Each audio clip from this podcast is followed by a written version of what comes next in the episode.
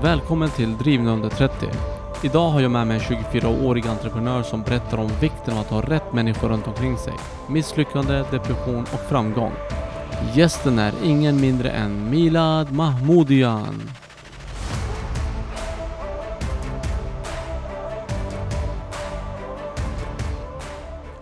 Varmt välkommen Milad. Tack så mycket. Kul, och, kul att vara här. Ja, härligt. Hur mår du idag? Eh, Jag mår bra. Eh, Kom precis från, från jobbet. Eh, Men jag mår bra. Det är en solig dag. Så. Ja, det är underbart väder. Ja. Jag tänkte så här, vi kommer ju prata lite grann om vem du är, vad du gör och en hel del annat. Ja. Men jag tänkte ställa den första frågan och eh, kolla, vem är du Milad? Om du berättar lite kort om dig själv. Eh, Jag är en kille på 24 år gammal. Eh, Driver företaget Kickscooters. Eh, Och vi hyr ut elsparkcyklar i Örebro och Linköping. Det är lite, vid sidan om det så jobbar jag heltid på Epiroc, på deras materialavdelning. Kör truck för det mesta. Och sen innan jobbet och efter jobbet så jobbar jag fullt ut med, med Kick. Så, så du har två heltidsjobb. Ja, kan man säga. Epiroc, där jobbar du på deras lager och Ja. så driver du Kick Scooters. Precis. Härligt. Hur får du dagar, hur många timmar har du på ett dygn?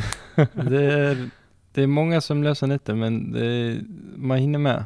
Eh, man får försöka liksom prioritera, planera om eh, och eh, sätta liksom mycket tid på att jobba med företaget. Det är liksom planera sin tid helt enkelt. Det, sen får man inse bara att alltså, man kommer inte hinna med allting och det, det är helt okej också.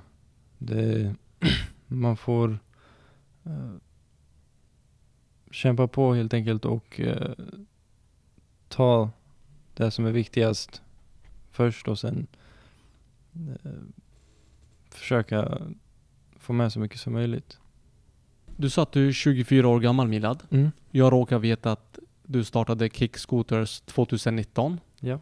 Vad har du gjort innan det här? Du är 24 år, du är ung. Vad gjorde du? Vad läste du på gymnasiet till exempel? Jag läste byggprogrammet på gymnasiet. Uh, utbildade mig själv till snickare.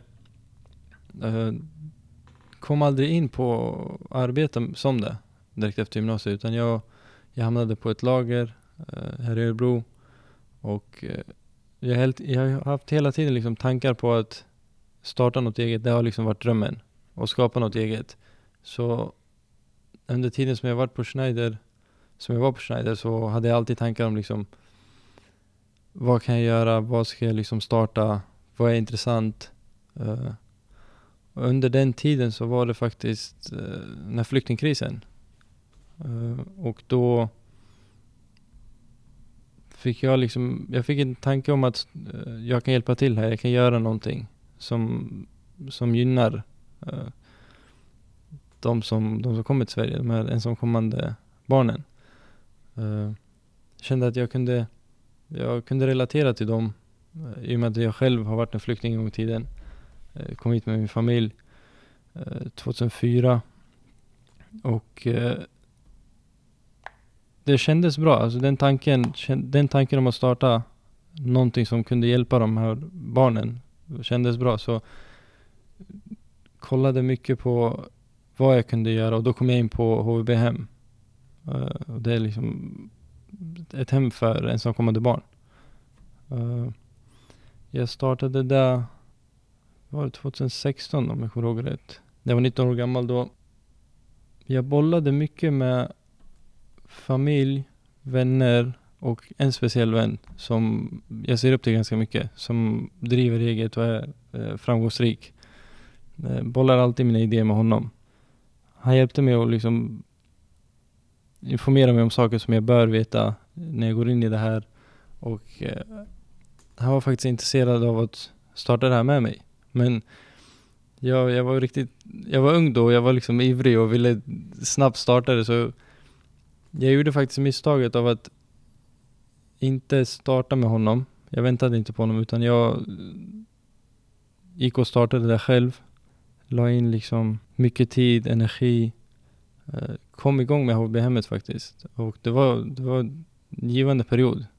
Fick lära sig jättemycket. När jag gick in i det så förstod jag inte hur mycket det är som krävs för att kunna driva eget. Jag hade inte det där, jag hade inte förstått mig på hur mycket det var som, som jag behövde göra. Och eh, med tiden så fanns det inget behov av med HVB-hem längre. Så kommunerna hade sina egna HVB-hem. Vi hade inte längre några placeringar. Då fick jag stänga ner det här företaget, stänga ner det här HVB-hemmet och jag var kvar med liksom eh, en massa lån för mig själv, privat och utan jobb, utan någon inkomst. Behövde liksom ta, ta mig igenom den där tiden och då var, det var en riktigt, det var en tuff period för jag var deprimerad efter det, efter det här misslyckandet som jag såg som ett misslyckande. Direkt efter det, jag hoppade på det första bästa jobbet som jag fick och det var på Epiroc. Fick mycket hjälp av vänner, familj och liksom som försökte stötta en, få en upp på fötter igen och liksom tänka att försöka förstå att ett misslyckande inte är värsta grejen. Det är inte liksom slutet av vägen, det är inte end of the road. Det, man får liksom, man får lära sig av det, försöka komma på fötter igen och sen ta sig vidare. Och det var exakt det jag gjorde med hjälp av familj och vänner. Hur kändes det att stänga ner HVB-hemmet? För du sa att du misslyckades med det. Mm. För dig var det ett misslyckande. Mm. Hur kändes det att behöva stänga ner och sen ha en massa lån som du nämnde att du hade? Det var, det var riktigt tufft för jag, jag visste inte hur jag skulle ta mig upp från det. Jag visste inte vad jag skulle göra liksom efter det. 19 år, inget jobb. Visst, jag har liksom familj och vänner som alltid är där för en men jag vill ändå inte dra med dem ner i skiten med mig. Så jag kände liksom ansvaret är på mig och jag måste, hur ska jag göra nu när jag gjort bort mig så grovt? Det tyngde ner mig ett bra tag. Vi snackar ett, två år. Jag var liksom helt nere. Hur kom du på banan efter det här? Du fick hjälp av dina vänner och mm. familj och sådär. Men vad fick dig att söka jobb på bland till exempel eh, Epiroc? Såg en annons på Lernia, eh, manningsföretag. Jag kunde inte bara sitta och inte göra någonting. Så jag kollade vad som fanns ledigt och jag hade jobbat på lager innan. Eh, visste inte vilka Epiroc var, hade inte hört talas om dem. Jag fick en intervju rätt så snabbt efter att jag sökte jobbet i och med att de hade, de behövde någon snabbt. Det var, det var tur att jag hann söka det där jobbet. Kom in där, det är en jättebra företag eh, här i Örebro. Det, det var tur att jag hann och söka det där jobbet och få det, för det hjälpte mig jättemycket. Då hade jag någonting att göra under dagen istället för att bara sitta hemma och och tänka fan, fan, fan, vad har jag gjort? Och sen med tiden så blir saker och ting bättre. Man tror inte det. När man, när man i början av liksom en så jobbig period så tänker man fan det finns inget som... Uh, hur ska det här bli bättre, tänker man. Men med tiden blir det faktiskt bättre och man får försöka tänka positivt och tänka framåt istället för att tänka på något som redan har hänt. Vi jobbade där, jag kommer inte ihåg om det var, det var nog ett år innan, innan min pappa frågade om jag ville starta ett taxiföretag med honom. Han jobbade redan inom det och visste liksom vad som krävs, vad som behöver göras. Eh, och han bad mig och startade med honom och sköta det administrativa. Och jag, jag hoppade på det direkt. Jag kände, här får jag ändå en chans att kunna ge tillbaka. Jag hoppade på det direkt, kom igång med företaget snabbt. I och med att jag hade lite erfarenhet från tidigare så visste jag vad jag skulle göra. Fick alla tillstånd, kom igång och inom ett år var vi uppe i sex bilar. Några månader senare var vi uppe i åtta bilar. Det fungerade jättebra. Det var också en givande period. Lärde mig jättemycket. Blev det lite som en revansch från HVB-hemmet? Ja, det var, det var riktigt skönt då när, när, när det flöt på som det skulle. Och hur länge hade ni det här taxiföretaget? Det hade vi fram, aktivt fram tills juni i år faktiskt. Okej. Okay. Ehm, det som hände var att från mitten av 2018 någon gång där började det gå, började gå sämre. Det var en jättetuff konferens och det var saker och ting runt om en alltså, som, som gjorde att det inte gick så jättebra. Som inte vi kunde påverka själva faktiskt. Det vi gjorde då var liksom, när vi inte behövde alla bilar längre, Det var ju bara liksom försöka krympa ner, sälja, sälja vissa bilar. Där in på, i början av 2019, då kom min eh, sambo med den här idén om att hon visar mig alltid liksom saker, alltså nya saker som händer. Pitchar typ, inte pitchar men kommer fram med förslag. För hon vet att jag alltid vill starta någonting, jag alltid tänker på saker och ting. Så hon la fram den här idén om elsparkcyklar till mig. Uh, och jag som alltid liksom nyfiken, ivrig på att starta någonting, kollade upp det direkt. Uh, bollade med vänner. Uh, bollade med en person som jag anser som var en mentor för mig, någon som, han som jag ser upp till, som jag nämnde tidigare. Han tänker alltid liksom olika banor, försöker se på allting runt om just den branschen, allting som sker runt omkring. Man förstod att alla de här stora företagen som driver elsparkcyklar, eh, elsparkcykelföretag, behöver egentligen ett företag som jobbar för dem i varje stad som tar hand om deras skotrar. Och han ställde bara frågan rakt ut, men skulle inte liksom det här vara någonting? I och med att det finns så många elskotrar, elskoterföretag. Det lät som, som en riktigt bra idé. Då jag förstod vart han, vad han tänkte på att marknaden kanske är full redan med alla de här företagen. Så jag tog tag i det direkt, började kolla runt, kolla hur allting fungerar. Försökte få kontakt med de här företagen. Fick inget svar från dem faktiskt, inte en enda. Och så skrev vi till jättemånga. Gick en liten period då saker och ting, det dog ut lite. Jag släppte lite kan man säga. Av någon anledning, kommer inte ihåg vad exakt, men det, det är det här drivet, det är det här tankarna som går i huvudet konstant om att man vill göra någonting, man vill starta någonting. Grävde jag mig själv liksom djupare och djupare in i det. Till slut kom jag liksom till, till en punkt då jag behövde ta ett beslut. Om jag ska starta ett elskoterföretag eller om jag ska strunta i den idén helt.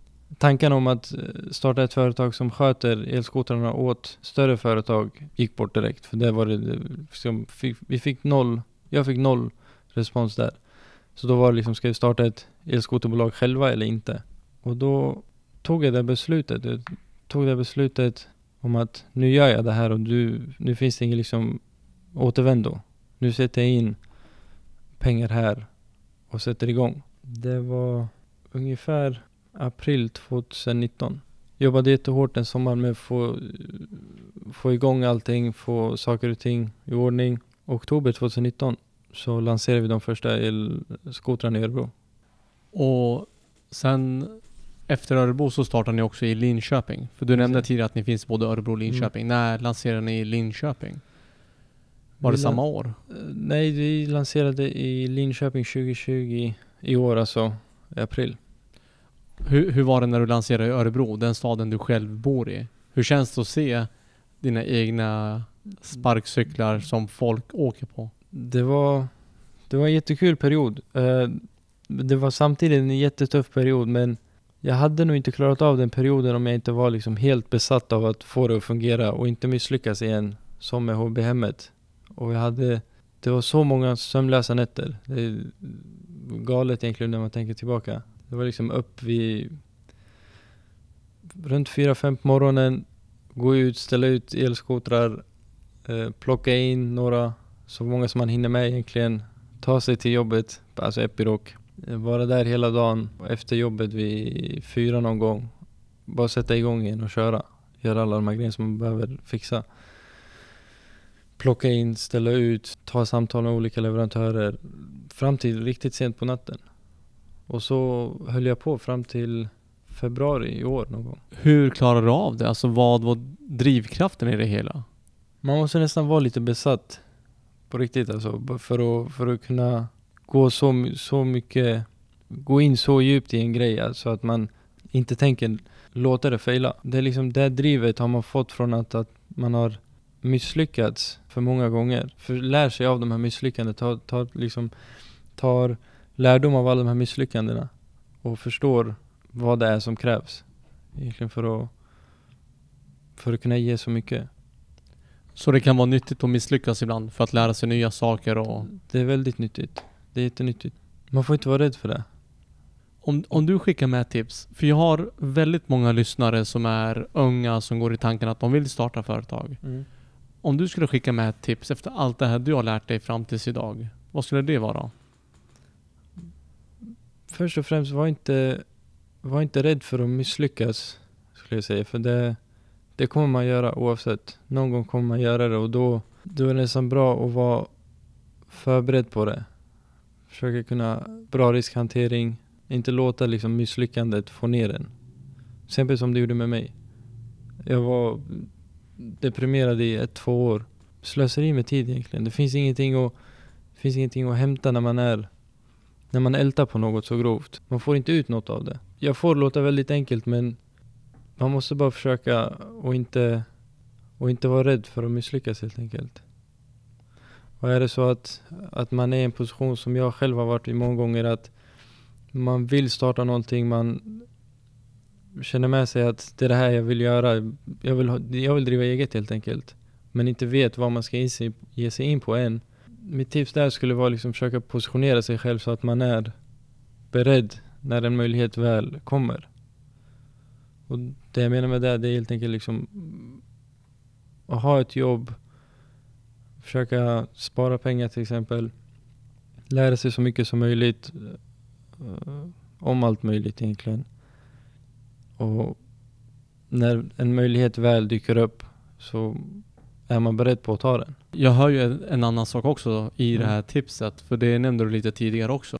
Du nämnde att du hamnade i en depression efter HVB-hemmet. Ja. Så pratar du ändå mycket om folk runt omkring dig, hur viktigt det är med bra människor runt omkring en. ja. Så just det här med att ha ett starkt nätverk runt omkring sig Det, verkar också vara en, en viktig del. Jag, jag pratar mycket om att man ska ha ett bra nätverk. ja.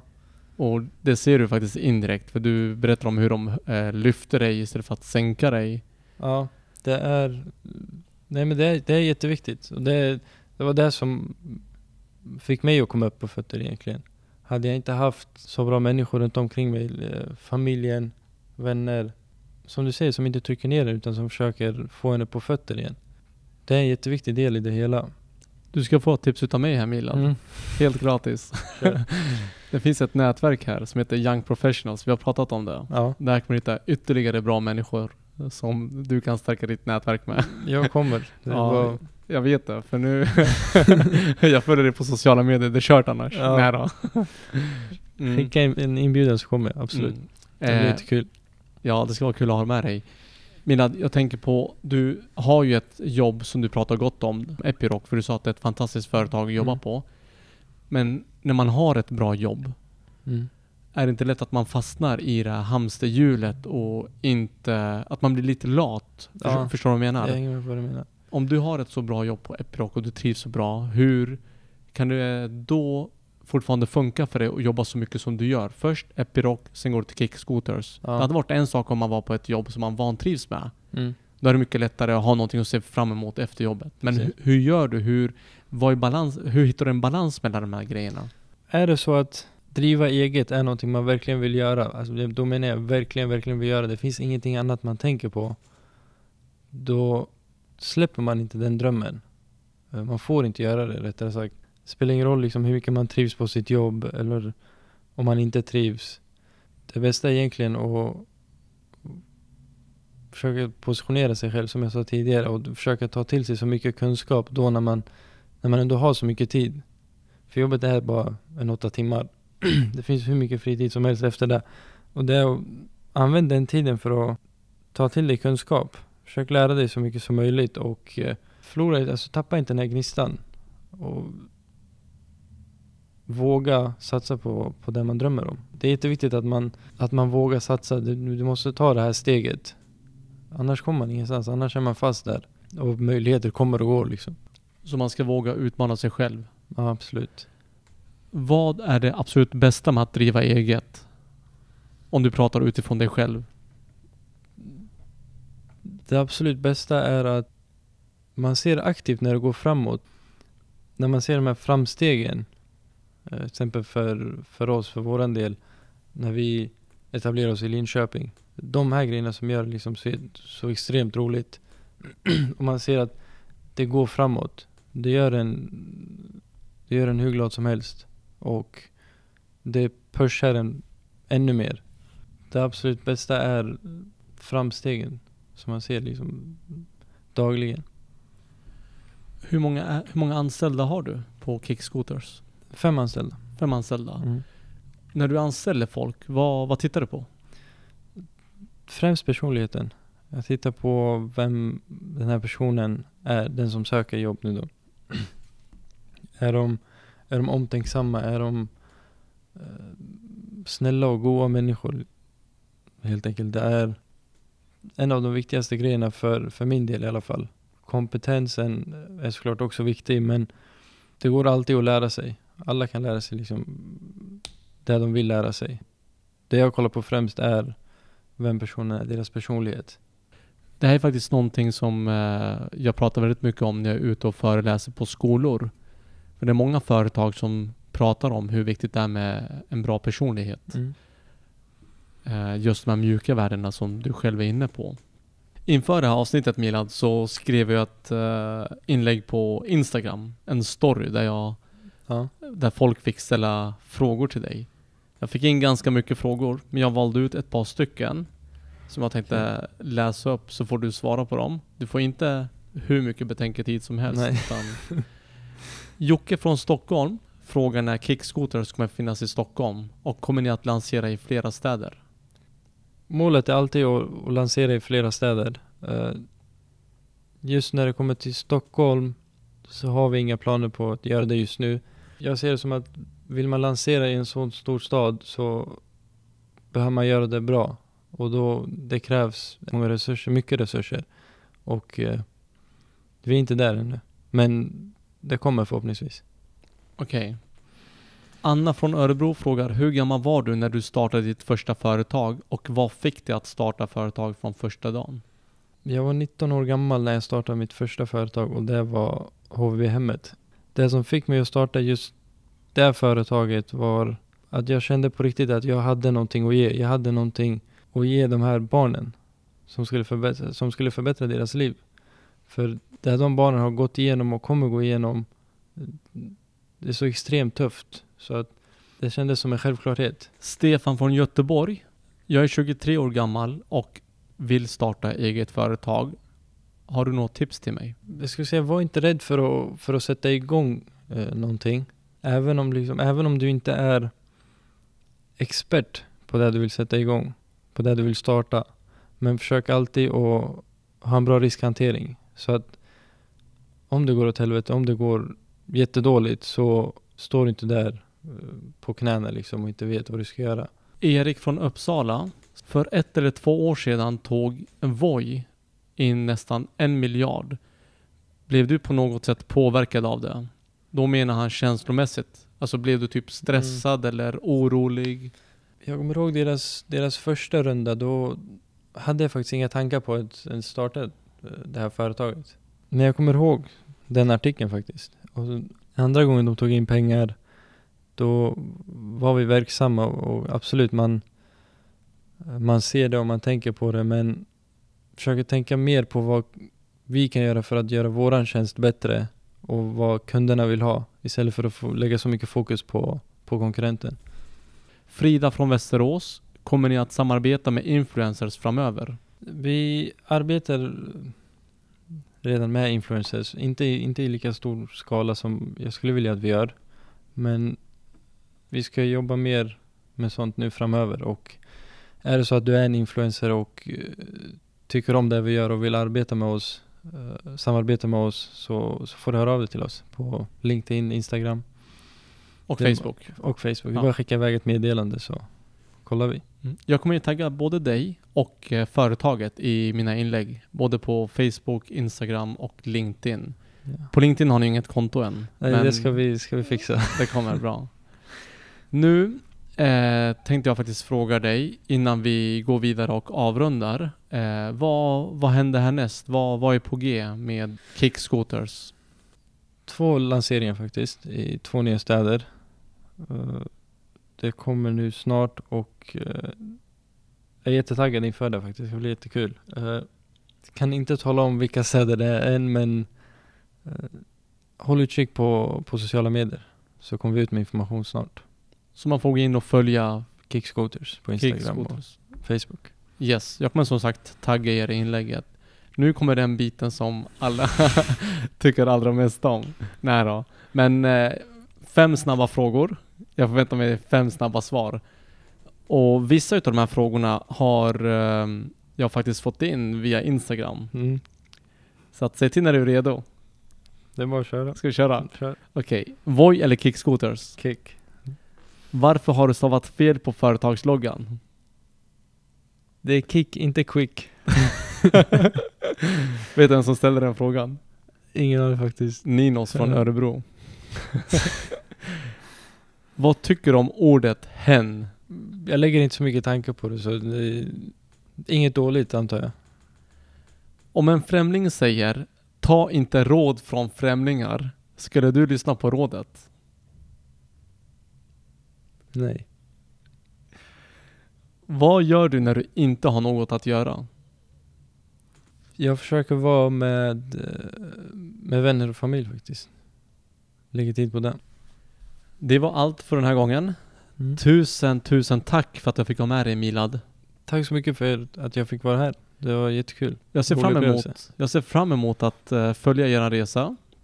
Och eh, jag kommer Jag kommer se till att dela när ni lanserar i de nya städerna. Så hoppas Ja. vi på att vi når ut till många människor. Precis. Det, det ska bli jättekul faktiskt. Och lansera de här städerna. Och tack återigen för att jag fick vara med här.